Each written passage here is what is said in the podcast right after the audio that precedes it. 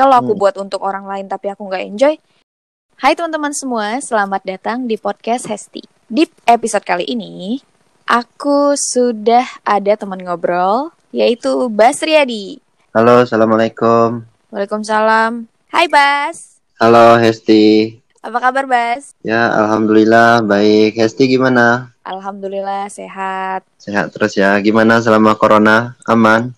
Eh, sempat nggak aman beberapa bulan Bas. Kenapa? Jadi kayak pengangguran gantung aku Bas. Ke- masih Oh. kerja tapi di rumah aja, terus nggak digaji.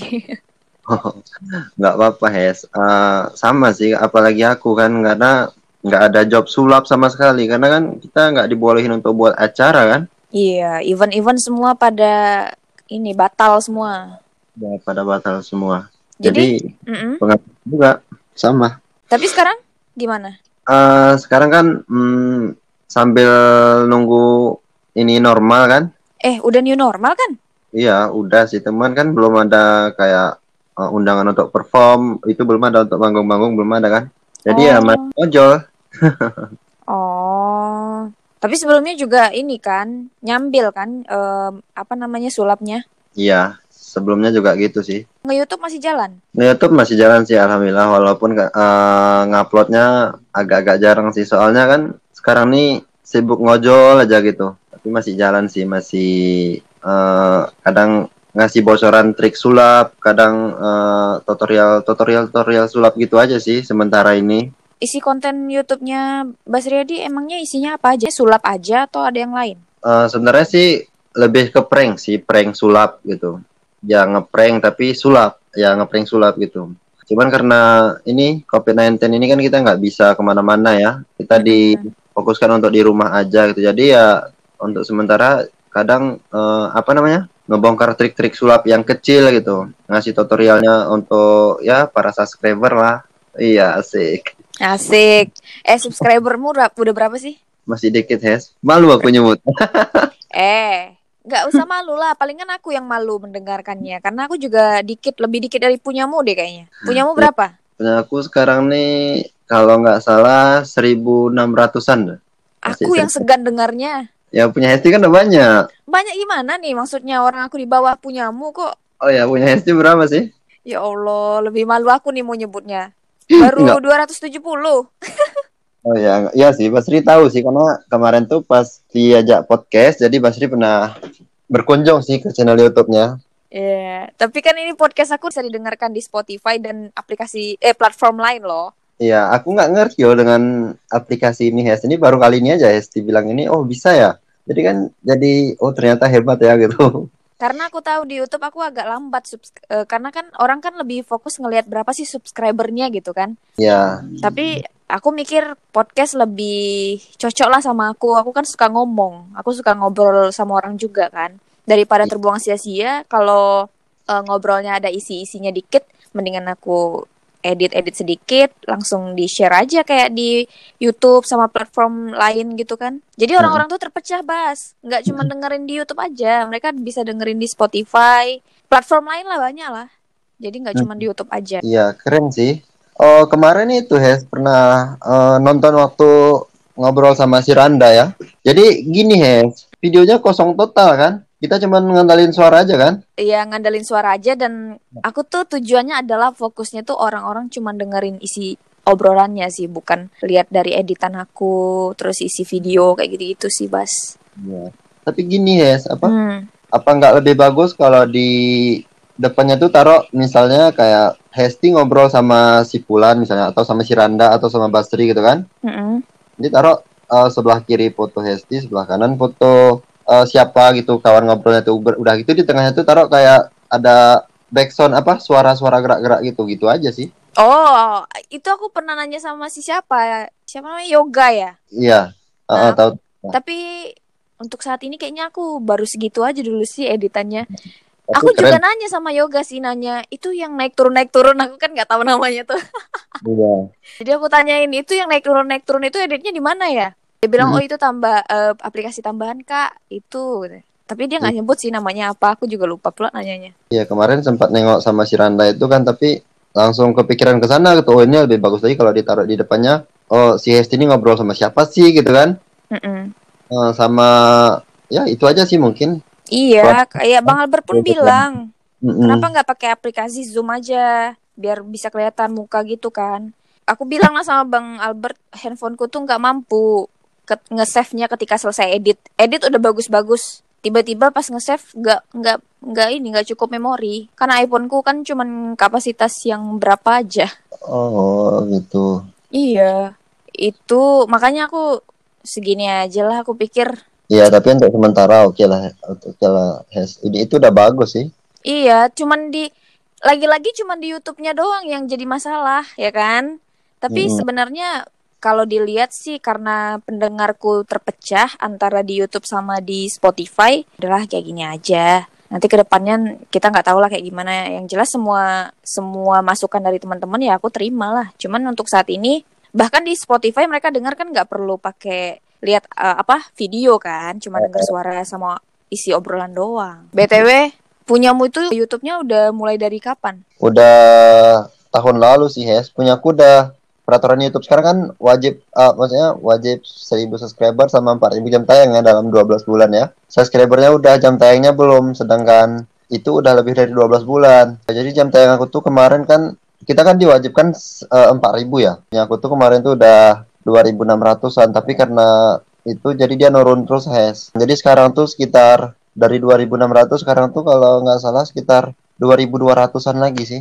Berkurang 400 jam kan. Padahal subscribermu udah udah oke, udah udah Udah. memenuhi syarat. Tinggal yang jam tayang ini kayaknya susah ya. Apalagi Ya, dirimu ja- jarang upload. Iya diriku eh iya sih udah jarang upload sekarang selama corona nih kan. Punya kayak jadwalin gitu nggak sih sebulan satu? Kalau lagi sibuk gitu loh.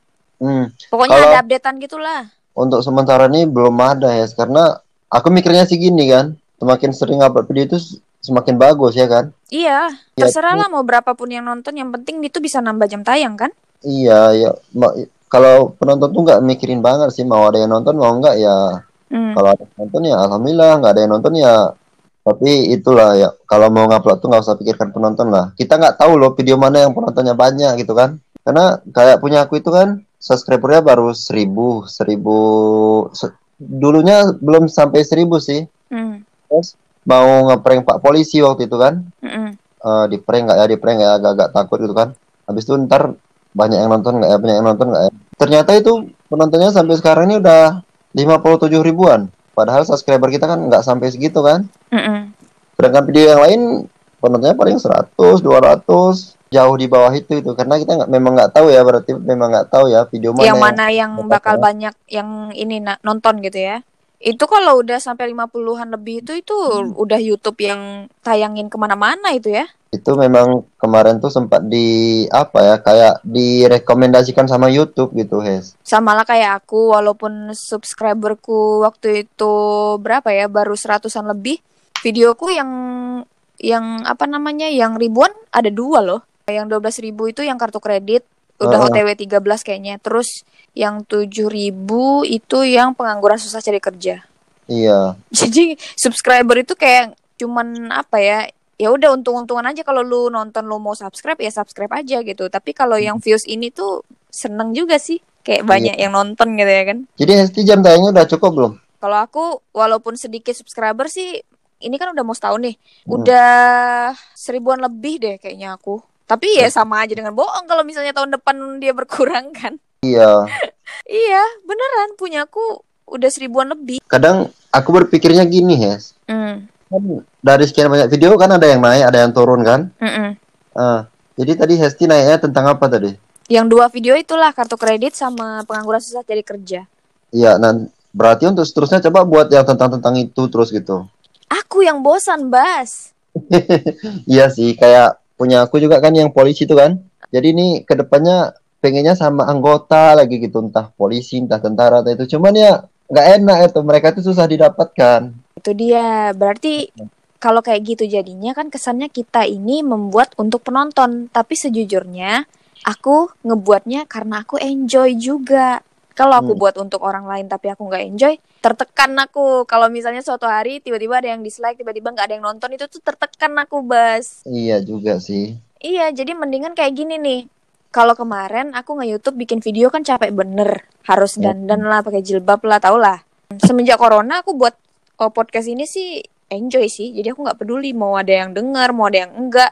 Terserah mereka bisa dengerin di platform mana pun, nggak harus di YouTube. Yang penting aku enjoy ngobrol sama temanku yang aku kenal. Terus kalau misalnya aku bisa kepoin dia, lebih seru lagi gitu loh. Dirimu sejak kapan sih mulai sulap? Eh, diriku main sulap itu sejak tahun 2013 es. Baru tamat eh, SMK waktu itu. Terus gimana ceritanya tuh? Eh, ceritanya waktu itu aku kan kerja di apa ya namanya ya? Kalau di sini tuh namanya karwas, tahu karwas kan? Oh, cuci mobil. Ya, kalau di tempat kami tuh di Aceh namanya itu eh Dorsmir. Iya, Dorsir juga sih ada yang bikin kayak spanduknya gitu. Iya sih, cuman di Batam kebanyakan bahasa dilihat itu karwas sih. Riyadi ini orang mana? Eh, kita aslinya dari Aceh sih. Oh, aslimu Aceh. Nah, dari Papa, ma- papa mama Aceh ya? papa mama udah almarhum. Di Batam ngekos sendiri. Ke Batam itu dari tahun berapa? Di Batam baru berapa tahun ya? Dari 2016 sih, dari 2016 awal. Aku tuh udah merantau kayak ke Medan, kayak ke Banda Aceh, Banda Aceh tahu? Oh iya, kayaknya masih daerah Aceh juga kan? Udah Aceh. Cuman ya kalau dari tempat aku tuh satu malam perjalanan 8 jam. Itu Banda Aceh tuh tempat yang kena tsunami dulu, Hes. Mm-mm. Yang yang tersisa Masya Allah itu apa masjidnya doang gitu kan? Mm-mm. Nah, di situ masanya itu kan ibu kotanya Aceh. Waktu itu pergi ke Batam karena sulap juga sih. Kebetulan ada kawan dari Aceh, dia eh, dapat kerja di salah satu hotel di Batam ya. Eh, kerja di Harmony One. Terus mereka malam tahun baru pergantian tahun 2015-2016 waktu itu. Mm-mm. Dari pihak hotel tuh nyari kayak nyari Apa? talent, nyari Mm-mm. talent caranya. Kan mereka ngisi kayak malam tahun baru tuh kan ada ada acara kayak kalau musik udah pasti kan. Iya, Cuman kalau sulap kan waktu itu di Batam masih belum apa ya, masih jarang lah ya. jarang. Nah, Mm-mm. si Batam ini cerita sama bosnya. Kita musician tapi di Aceh gitu gimana? Ya udahlah ditelepon eh, langsung dia nelpon Basri, mereka datang ke hotel langsung biayain semua mulai dari ongkos pesawat nginap di Batam ini nanti kan. Mm-mm. Wah, mantap. Eh, eh, waktu itu sih. Itu pertama kali ke Batam, perform sulap malam tahun baru di Batam. Nah, tiga hari di Batam habis itu pulang lagi ke Aceh gitu. Setelah itu terus si kawan ini eh, ngajak ke Batam lagi buat jalan-jalan gitu. Ya udah mulai dari situ kayak udah betah gitu sampai sekarang betah. Tapi itu kan eh, posisinya dirimu udah lulus sekolah lah ya. Udah sebenarnya aku nggak lulus sih, tapi aku tuh SMK-nya bisa dibilang putus sih. Oh, Nggak, nggak selesai, nggak sampai selesai. Jadi itulah udah intinya udah nggak terikat sekolah lagi waktu itu. 2016 tuh ke Batam. Iya 2016 awal Eh, diundang sulapnya kan eh, malam pergantian tahun 2015-2016 kan 2016 awalnya udah mulai oh ternyata Batam gini gitu kan ternyata Batam nih ekonominya lebih enak gitu daripada daripada Aceh lah pastinya karena kan aku yang yang udah aku rasain kan di Aceh kan di tempat sendiri gitu Mm-mm. mulai dari situ sampai sekarang ya masih masih apa ya masih masih enak di Batam gitu Udah lima tahun juga berarti ya. ya kurang lebih begitulah Di Aceh tinggal sama siapa keluarga? oh kalau diceritain itu panjang loh Hes Oh ya udah, ya udah ya udah. dari bayi itu udah yatim piatu jadi tinggalnya tuh udah ke mana-mana gitu Oh dari bayi. Itu kalau aku ceritain ntar yang nonton tuh nangis loh Hes. Nggak us- nggak. us- soalnya soalnya Hmm. soalnya itu sedih Hes. Kalah film-film Korea yang kalian tonton itu kalah. Oh alah, ya wes lah nggak usah lah. enggak lah. Kalau Tapi mau kenapa? itu, Ah, kalau mau cerita itu boleh tapi di podcast selanjutnya gitu ya iya kan. di episode selanjutnya ya, di episode lain. ya kalau BTW, jalan dulu kan. BTW kenapa sulap? Eh gimana ya karena menurut aku ya sulap itu paling gampang eh, kita tuh nyari kawan gitu ya dengan sulap itu kita gimana ya? Pokoknya dengan sulap itu kita gampang mencari kawan gitu ya misalnya kita ada orang lagi duduk kita bisa ngerjain dengan sulap gitu. Yang awalnya nggak kenal jadi kenal kita bisa menghibur orang gitu kan. Tapi kan ada cara lain selain sulap gitu loh. ada. Eh, dulu pernah kursus sih di Medan. Tahun berapa tuh? Sebelum ke Batam atau? Di 2013 ya karena waktu itu sekolah nggak sampai selesai langsung pergi ke Medan belajar sulap gitu? Enggak juga sih. Waktu itu eh sekolah nggak selesai kan itu karena faktor biaya lah bisa dibilang kan. Eh, mulai dari SMP itu aku udah sendiri, udah mulai eh, kerja, cari makan sendiri, membiayai sekolah sendiri. Sampai kelas 2 SMK itu memang benar-benar putus, nggak tahu mau minta tolong sama siapa kan. Ah, ya udahlah, menurut aku ya sampai kelas 2 SMK itu aja aku udah bangga gitu karena Mm-mm. Nggak semua anak itu bisa gitu kan sampai segitu. biaya sendiri gitu ya Jadi untuk ke depannya ya aku serahkan sama Allah lah gitu kan. Mm-mm. Yang penting mau usaha mau berdoa pasti ada jalan gitu. Jadi itulah ya nggak sampai nggak ya intinya ya nggak tamat lah. Nah, terus ke Medan itu sama siapa sendirian Eh, awalnya sih bukan aku yang ke Medan Hes, tapi kebetulan guru guru sulapku itu yang itulah ceritanya di Karwas tadi. Mm-mm. Eh, waktu itu kan hujan, hujan terus dia kebetulan mampir di Karwas tuh. Dia datang, dia eh, ngajak kenalan gitu habis itu, terus dia minta mancis, minta korek, dia ngerokok kan. Mm-mm. "Eh, Bang boleh pinj- eh, pinjam api nggak katanya? Mm-mm. Oh boleh. Eh, begitu mau ku kasih api, oh nggak jadi bang, ternyata ada api gitu ya. Dia buka dompet, ternyata dompetnya itu berapi gitu kan. Hah? Eh, awalnya dari situ sih. ah Wah ini keren ini ya. Oh ini kok bisa gini ya. Mm-mm. Udah terus tanya lah bang, ini kok bisa gitu bang? Oh ini namanya sulap bang kata dia. Mm. Udah gitu kan nggak percaya kan. Yang kedua terus dia ngambil kartu gitu, ngambil kartu, kartu remi, Mm-mm. sulap melalui kartu remi. Dan itu menurut aku itu tuh keren banget, Hes. Ah, dari situlah mulai tertarik, terus mulai agak eh, ngomong panjang lebar sama abang itu. Terus abang itu cabut, Mm. cuman dia nih kartu nama kan. Mm-mm. Oh, nanti kalau ada apa-apa kabarin aja bang, ini kartu nama saya kata dia. Mm-mm. Ya udah pergi. Karena waktu itu hujan udah eh, reda juga udah berhenti kan. Mm-mm.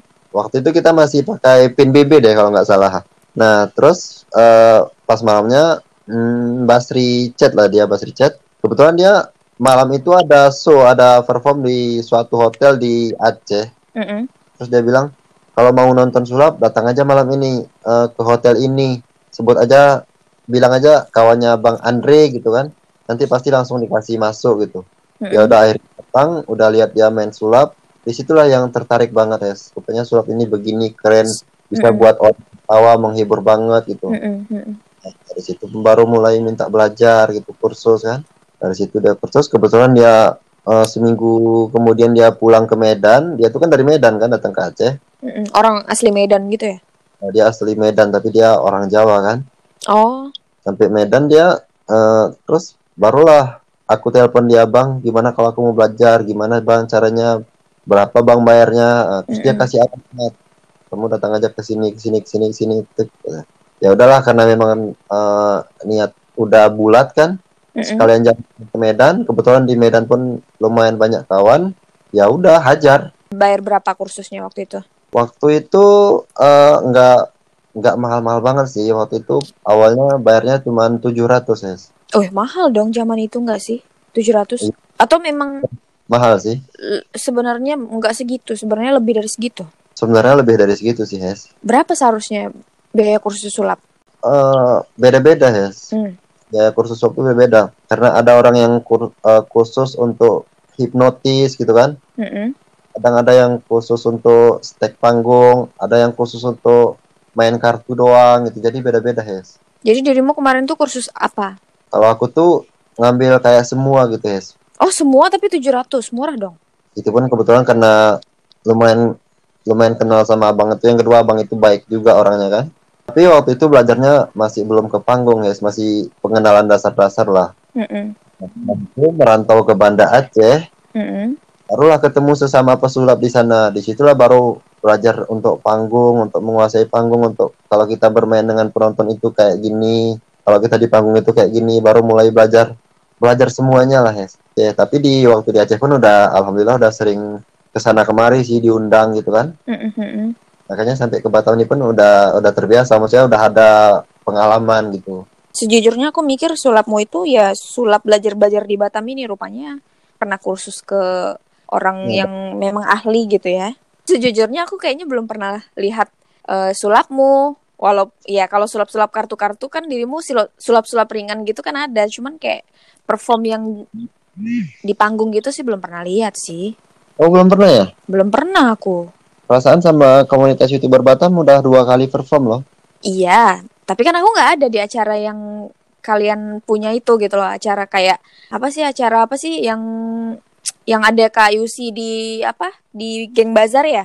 Berarti yang sama geng Bazar tiga kali loh berarti Basri nampil. Intinya kalau kita eh, main kartu-kartu biasa maksudnya kalau main biasa sama main di panggung itu beda ya Iya, makanya, makanya, makanya sampai diundang ke panggung karena permainannya beda kan.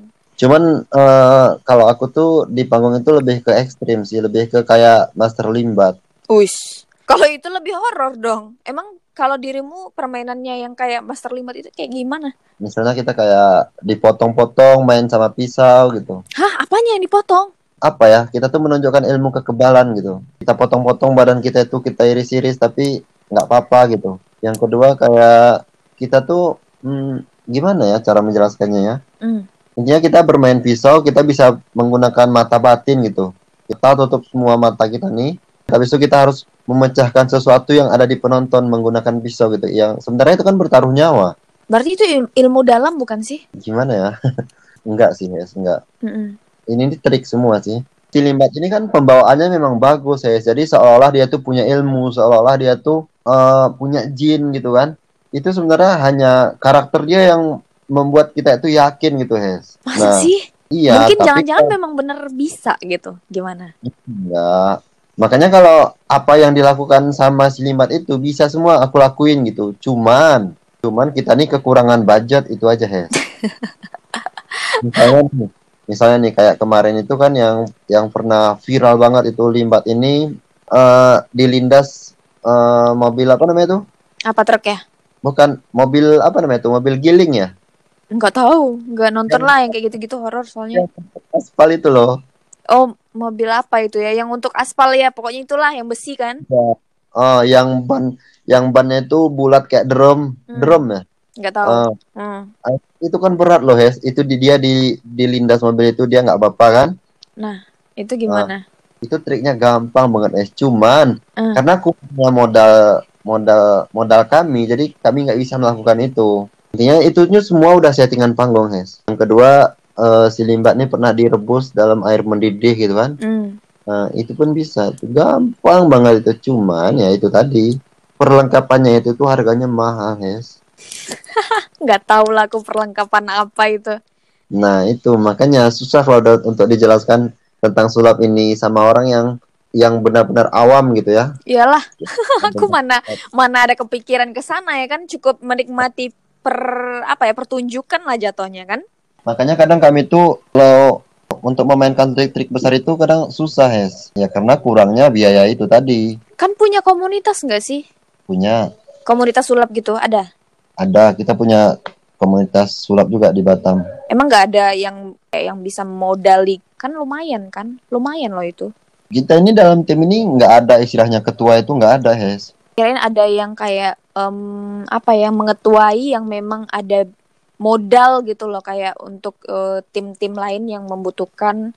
Jadi nanti ya bisa bagi hasil gitu. Kan dari dari modal itu kan dapat uang. Nah, uang itu kan bisa bagi bersama dan untuk apa? Untuk beli barang-barang yang memang bisa menjadikan sulap itu lebih baik kan? Kemarin tuh kami udah memang udah ngadain kayak uang kas gitu kan. Mhm. Jadi uang itu untuk membeli perlengkapan sulap dan itu untuk kebersamaan gitu kan. Mhm. Cuman itu Hes, ya karena itu niatnya baru baru timbul terus selama corona nih ya stop dulu lah karena selama covid-19 ini kan semuanya pada susah, ya Susah, betul. Terus eh, aku lihat di Instagram itu ada cara booking sama ku- kursus sulap. Itu yang kursus sulap Bas Riyadi yang buka.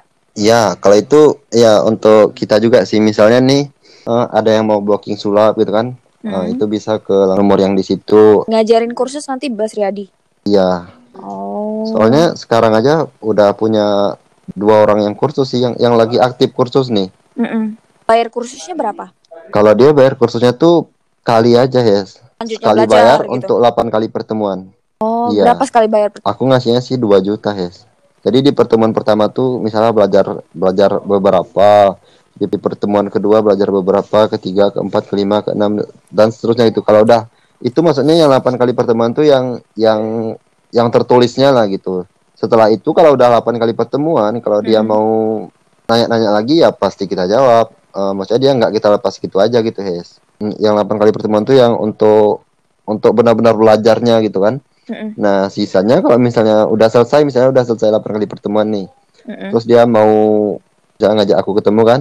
Mm-mm. Bang bisa ketemu nggak? aku mau nanya yang kemarin bang ada yang aku lupa ya udah kalau selagi ada waktu ya udah kita tetap ngajarin gitu es Oh, tapi lumayan banyak lah berarti yang berminat kursus sulap gitu ya. Enggak juga sih es Sejauh Enggak ini udah juga. berapa orang yang ini pernah kursus? kalau selama di Batam ini eh dari 2016 kan di Batam kan Mm-mm. kurang lebih belasan orang gitulah ya Oh, lumayan banyak sih menurut aku. cuman ya jujur aja sih kalau yang kayak gini nih kita nggak bisa andalkan juga sih karena kita harus punya kerja kerjaan fokus juga gitu Yang jelas ya. Mm-mm. Ah, ah. Ini berarti Karena- sampingan lah. Ya, karena ini tuh kan angin-anginan, Hes. Kita nggak bisa patok kan penghasilan kita tuh sebulan dari sulap itu berapa nggak bisa. Mm-mm. Hari ini nih misalnya nggak ada duit nih misalnya kan. Mm-mm. Terus tiba-tiba besok besok pagi tiba-tiba ada yang nelpon, Bang bisa ngisi acara sulap nggak siang ini jam sekian sekian nanti kita bayar sekian kan udah tiba-tiba udah ada uang gitu kan. Iya. Misalnya nggak bisa diprediksi gitu, Hes. Makanya aku pilih tuh ngojol, Hes. Karena ngojol ini kan kita bebas waktu kan. Iya. Nah, dulunya aku kerja sama orang juga, es di Batam Center di depan kampus Uniba kan. Kerja Jadi betul. waktu itu Hmm. itu kerja percetakan Hes. Jadi waktu itu kalau kita ada job sulap tuh sering aku cancel Hes. Sayang kan? Iya dong. Nah kita mau ninggalin kerjaan ntar bosnya gimana, Iya. karyawan yang lain gimana gitu kan. Bagi aku ngojol ini apa jadi driver ojol ini eh, pahlawan sih bagi aku Hes. Iya ya. Banyak drama-drama ojol sih ceritanya di sosmed. Enggak juga karena gimana ya? Kita ini kan orang-orang kalau orang lapar kan pasti mikirnya ah ojol lah. Iya. Eh, Untuk kalau untuk misalnya saat ada ini, barang ketinggalan misalnya kan Hmm. heeh. Misalnya ada barang ketinggalan nih malas mau ngantar ya udah gosen kan Mm-mm. misalnya nih oh, aku mau pergi ke sana tapi aku nggak ada motor ya udah naik ojek kan gitu kan Mm-mm. jadi bagi aku sih itu pahlawan sih Iyalah, betul. Orang pada mager ya udah ojol aja. Kamu di rumah aja biar aku aja ngantar. Heeh, kan gitu Hai. Tapi enjoy lah ya. Ya sih alhamdulillah sih Hes Itulah yang penting. Sama kayak bikin konten. Kalau bikin konten jangan pikirin orang yang mau nonton sama orang yang yang suka aja. Kita juga harus enjoy lah. iya dong itu sih kalau kita nggak nyaman ya nggak bisa ya kan Betul, itulah makanya doing something yang kita memang bikin kita happy. Kalau kita happy Iya. orang juga happy. Kalau kita happy orang nggak happy ya terserah mereka. Yang penting kita happy. iya benar sih btw kayaknya sekian dulu lah obrolan kita. Ntar kalau ada obrolan lagi kasih tahu aku biar ngobrol lagi di podcast ya. oke siap ya nanti atur aja waktunya Hes kalau mau cerita tentang kehidupanku itu menarik loh bagi aku Hes Ah boleh. Nanti kita ah ta- Hmm, next. tapi eh, uh-uh. next time aja sih. Iya Aku betul. aja sih rencana kalau misalnya nih, Hmm. kalau misalnya aku udah sukses di per YouTubean nih Hes ya kan, Mm, mm, mm. Aku bakal filmkan cerita itu Hes Insya Allah. Wah, itu keren sih diniatkan dulu. Siapa tahu nanti Iya. setelah niat ada jalan kan. Iya karena di dalam maksudnya ini dan ini nyata kan Hes, bukan untuk di, bukan dibuat-buat gitu kan. Pengalaman Dan kita adalah banyak, hal yang iya. berharga loh. Iya makanya aku aku pengen mengajarkan kepada orang itu bahwa ternyata ada loh orang yang nggak punya bapak ibu dari bayi itu dia bisa hidup sampai sebesar ini gitu kan. Oke, makasih Basri untuk eh, waktunya udah mau ngobrol di podcast Hesti. Oke, siap Nanti, sama-sama Hesti. Ah, kalau ada waktu kita ngobrol-ngobrol tentang eh, kehidupanmu. Oke, Hes, siap sama-sama. Iya. Terima kasih teman-teman yang sudah mendengarkan podcast ini. Sampai ketemu di next podcast. Bye bye.